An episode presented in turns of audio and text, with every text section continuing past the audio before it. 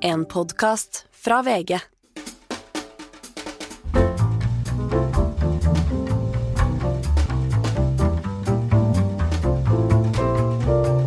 Hei! Her er et utdrag av min samtale med Astrid Sverredatter Dybvik, som eh, er historiker, som har skrevet flere bøker om Tyskland. Bakteppet her er høyreekstremes fremmarsj i Tyskland, med altså avsløring av et planlagt statskupp. Hvem skulle trodd? Eh, Vi er innom eh, tysk historie, vi er innom eh, øst-vest-sammenslåing. Veldig mye interessant, jeg vil bare anbefale det. Hele samtalen hører du på VG+, og Podme. Tyskerne har jo lenge fryktet det å dyrke nasjonalisme, og så så vi da fotball-VM i 2006. Da var det, det er vel første gang det har vært legitimt for tyskere å på en måte dyrke flagg og, og, og, og synge nasjonalsang og eh, Hva tror du det har gjort med den tyske nasjonalfølelsen? Var det bra eller dårlig? Jeg tror det var veldig bra, fordi at man, man har eh, Tyskland har jo ei lang historie sant, som stat, eh, og, har de her eh, årene med Hitler, det er tolv år da, av, av den tyske historien, og det skal, man heller, skal man heller ikke glemme. Altså, man har hatt veldig mange år i Tyskland med mm, at man ikke har hatt demokrati, eksempel, men det har jo ikke alltid ført Og at man har, har, har en sterk militaristisk tradisjon. Sant? Altså, man har mye som eh, Altså mye politisk eh, vrakgods, på en måte, i sin historie, men det er jo også et land som har eh, altså en enorm eh, altså Innenfor kunst og vitenskap, for eksempel, en har vært enormt viktig for, for hele verden. altså Tyske universitet har vært verdensledende, osv. Så videre, sånn at man, hvis man skal se Tyskland for det det er, og det det har vært, så er det så enormt mye mer enn enn nazismen. Og det er jo veldig dumt også for dagens tyskere å knytte sin identitet til noe altså, altså, i så sterk grad til, det nazistiske, ettersom det er ikke noe viktig.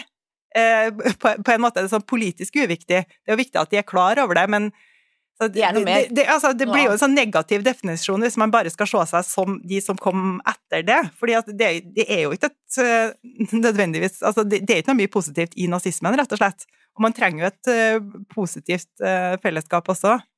Uh, Angela Merkel, hva vil du si om hennes ettermæle? Hun var sjef for de gode tidene.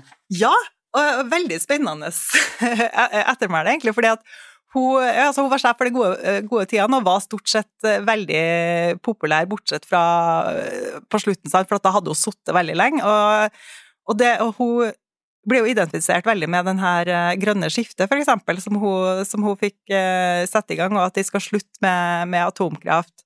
Og det hele tida mens hun styrte, så virka jo det helt, helt genialt. Eh, og hun så, Veldig populær egentlig i, i alt det hun har gjort, også fordi at hun var så markert internasjonalt.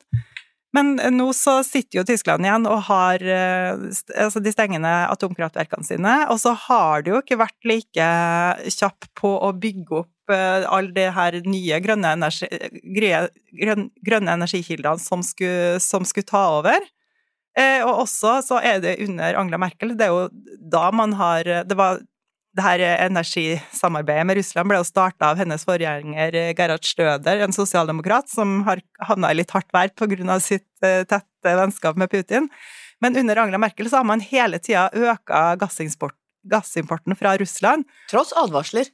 Ja, men det, det virka jo veldig bra. Sant? De fikk all den gassen, og det som man skal, skal vite, er at helt fram til de ikke var det lenger, så var Russland en helt sikker leverandør av, eh, av, eh, av gass.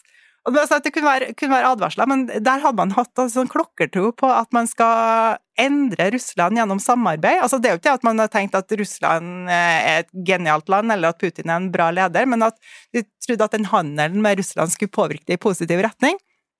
Og at man ikke hadde sett for seg at faktisk han kan bruke det som et, uh, altså i et politisk spill, da, som, som, han, som han valgte å gjøre. Da gjorde man seg, seg jo enormt sårbar. sånn at jeg tror at hun vil jo få et uh, annet ettermæle når man ser uh, sant, hvor det her ender hen uh, for Tyskland. Da. Jeg tror det er veldig mange som er sint på henne nå. Eh, Men samtidig så han Olaf Scholz, som er kansler i dag, han har jo vært en del av den regjeringa sjøl også, så han kan jo ikke si eh, altså man, man har ikke egentlig hatt noe Man har jo hatt et lederskifte i Tyskland, men sosialdemokratene var jo stort sett en del av Eller de var en del av tre av fire, fire Merkel-regjeringer, så de har jo hatt handa med på, på rattet i stor, i stor grad, da. Og nå er det mange som spår at det rett kan bli industridød i Tyskland fordi at det, det blir så dyr strøm, så de blir konkurrert ut og outsourca til eh, USA, til Kina, til andre. Og da kan det jo få enda mer fremvekst av ytre høyre høyrekrefter med økt arbeidsledighet og økt økonomisk krise. Ja, og den, eh, den her, det her med industridøden, altså, da kommer det jo veldig fort sånne, sånne prognoser, sånn at man eh, så jeg bare håper at, håper at, det, at det ikke skjer. Men sant, altså for alle husholdninger i Tyskland blir jo ramma av de høye strømprisene, og der i Tyskland så har man jo vært mye flinkere til å spare strøm enn det vi har vært her i Norge, fordi at de alltid har hatt høye strømpriser, men nå så, nå så er det jo på et annet nivå, og kombinert med, med høye matvarepriser, pluss at sannsynligvis en del folk vil miste jobben pga. Eh, problemer for industrien, og da får man jo et enormt eh, man kan jo faktisk knytte noe av det til at, man, altså til at det også regjeringa er medansvarlig for det som skjer. Sant? At det blir et sånn enorm eh, potensial da, for, for, politisk misnøye, som allerede er veldig synlig i gatene i Øst-Tyskland. Men, men, det er også sant, der man har hatt økonomiske problemer hele tida, så de merker jo alt sånn mye før også, men hvis man merker det i Vest-Tyskland på en annen måte, så vil man jo få Så vil det jo bli mye mer omfattende, da. Og vi snakket om vendepunktet 2015 med flyktningkrisa, hvor da Angela Merkel sa 'wir schaffen das', dette får vi til'. Eh, noen mener at det var dette som gjorde at vi fikk et sterkere ytre høyre også. Var det klokt i ettertid? Hva tenker du? klokt. Det spørs jo hvordan man, eh, hvilke kategorier man, eh, man, opererer med. Altså, jeg mener jo at det var moralsk riktig, fordi det var en enorm krise i Europa da, med masse mennesker som, som, døde, og som trengte et sted å være. Og det er jo ingen andre som tok ansvar for de heller, da sånn menneskelig blir, litt uh, trist å si at hun, hun ødela Tyskland med det. fordi at hun, altså Det var jo viktig for de syrerne og de afghanerne som kom til Tyskland, at de, at de fikk en sjanse, at noen ville ta imot dem, da, og at Europa for en gangs skyld viste et annet ansikt enn det man har, eh, det man har, eh, det man har gjort ellers. Og så er det jo det her med at, at man fikk framveksten av, av ytre høyre etter det i Tyskland, men samtidig så så kan man jo si at alle Altså at den utløsende altså, sånn, i, historie, i, historiefaget, for eksempel, altså skiller man mellom bakenforliggende årsaker og utløsende årsaker. Da. Og sånn, I Øst-Tyskland så har man veldig mange bakenforliggende årsaker som handler om økonomiske spørsmål som man ikke har tatt, uh, tatt tak i tidligere. En sånn kulturell krise, et sånn sammenbrudd av, av kulturen, pluss at det var veldig mange som var rasister, som, som politisk Eh, fantes det oppslutning om den tankegangen fra før. Og så ble denne, eh, denne flyktningsaka den som utløste, men, men det handler jo ikke egentlig om de heller, og det sier jo, det sier jo de altså Alternativ for Tyskland-folk har jo snakka med mange av dem, altså, fordi det handler jo ikke om det. Det var et veldig bra påskudd for de for å få, for å få sin sak på, på agendaen. Altså Hvis det er noen som har ødelagt Tyskland, så er det jo i hvert fall ikke de flyktningene som kom, eh, som kom i 2015. Veldig mange av de har jo fått og mange av dem også. Ja, ja, ja altså, veldig mange av de fungerer godt og har fått en sjanse til å bygge opp livet sitt. Og, sant? Skulle de ha bodd i de leirene i Hellas, eller i, på gata i Tyrkia, eller på, på, gata i Libanon, eh, for de så var det jo helt åpenbart det beste som kunne skje dem, var jo å få sjansen til å få jobb og utdanning og leve videre i et, et fredelig samfunn som, som Tyskland. da. Og vi så jo da eh, under koronaen eh, hvordan de på en måte fant en ny sak, disse kreftene, og båndet mellom QAnon fra USA og høyreekstreme Tyskland. Hva tenker du om det? Det er litt viktig eh, eh, når vi ser det sammen med det vi snakka om i stad, at flyktningkrisa det var, det var et påskudd. Og det ser man jo enda tydeligere når man ser at, eh, at koronapandemien kunne spille akkurat samme rolle. da for da kunne man si at det her, den her forbryterske staten som trykker oss ned og påfører oss eh, masse regler som vi ikke trenger, fordi at koronaen egentlig ikke er farlig, osv.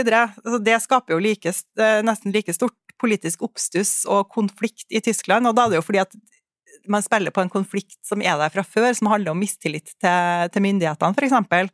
Og nå har man jo tatt eh, nå har det jo endelig slutta med alle de her koronatiltakene i Tyskland også. Eh, og da er det jo energispørsmålet som har overtatt. Så nå man, samles man i store gatedemonstrasjoner og protesterer da mot at eh, regjeringa har ødelagt forholdet til Putin, sånn at de ikke lenger får gass fra Putin. Og så mener de at regjeringa i Tyskland skal gjøre et eller annet da, som gjør at Putin gir dem den gassen som de har, eh, har lyst på. Så de bakforliggende årsakene gjør at de stadig finner nye utløsende Ja, at, ja, at de finner, at de finner, at, at de finner nye påskudd, da, fordi det er, masse, det er en del uløste problem i samfunnet som, som, gjør at man får en veldig sterk protestkultur, da, og at man har en enorm eh, misnøye. Så litt håp mot slutten, da. Det blir faktisk færre høyreekstremister i Tyskland, selv om det blir flere i øst? Ja, og det er viktig å se på de store, de store tallene, fordi at hvis man ser på, på øst i og for seg, for der er jo høyreekstreme tanker på, på frammarsj, så likevel så er det sånn det, det, som er saken, at det bor ikke så mange folk i Øst-Tyskland, og det, sånn de, de, har kvinneunderskudd, folk drar derifra, sånn at de har 30% i en delstat, eller Alternativ for Tyskland har 30% i en delstat med to millioner innbyggere.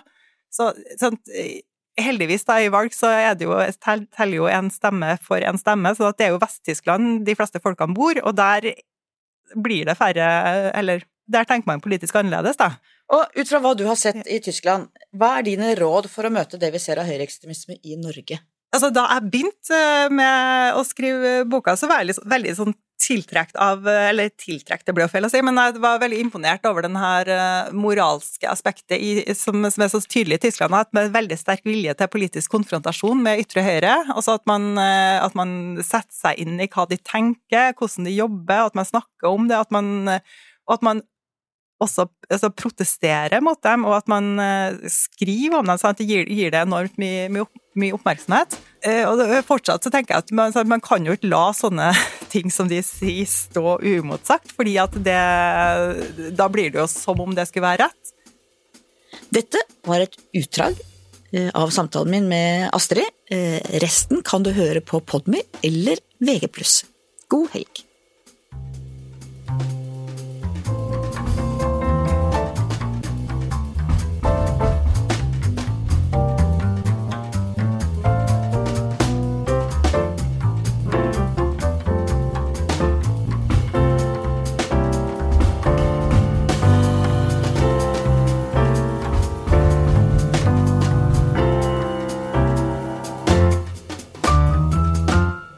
Har hørt en podkast fra VG.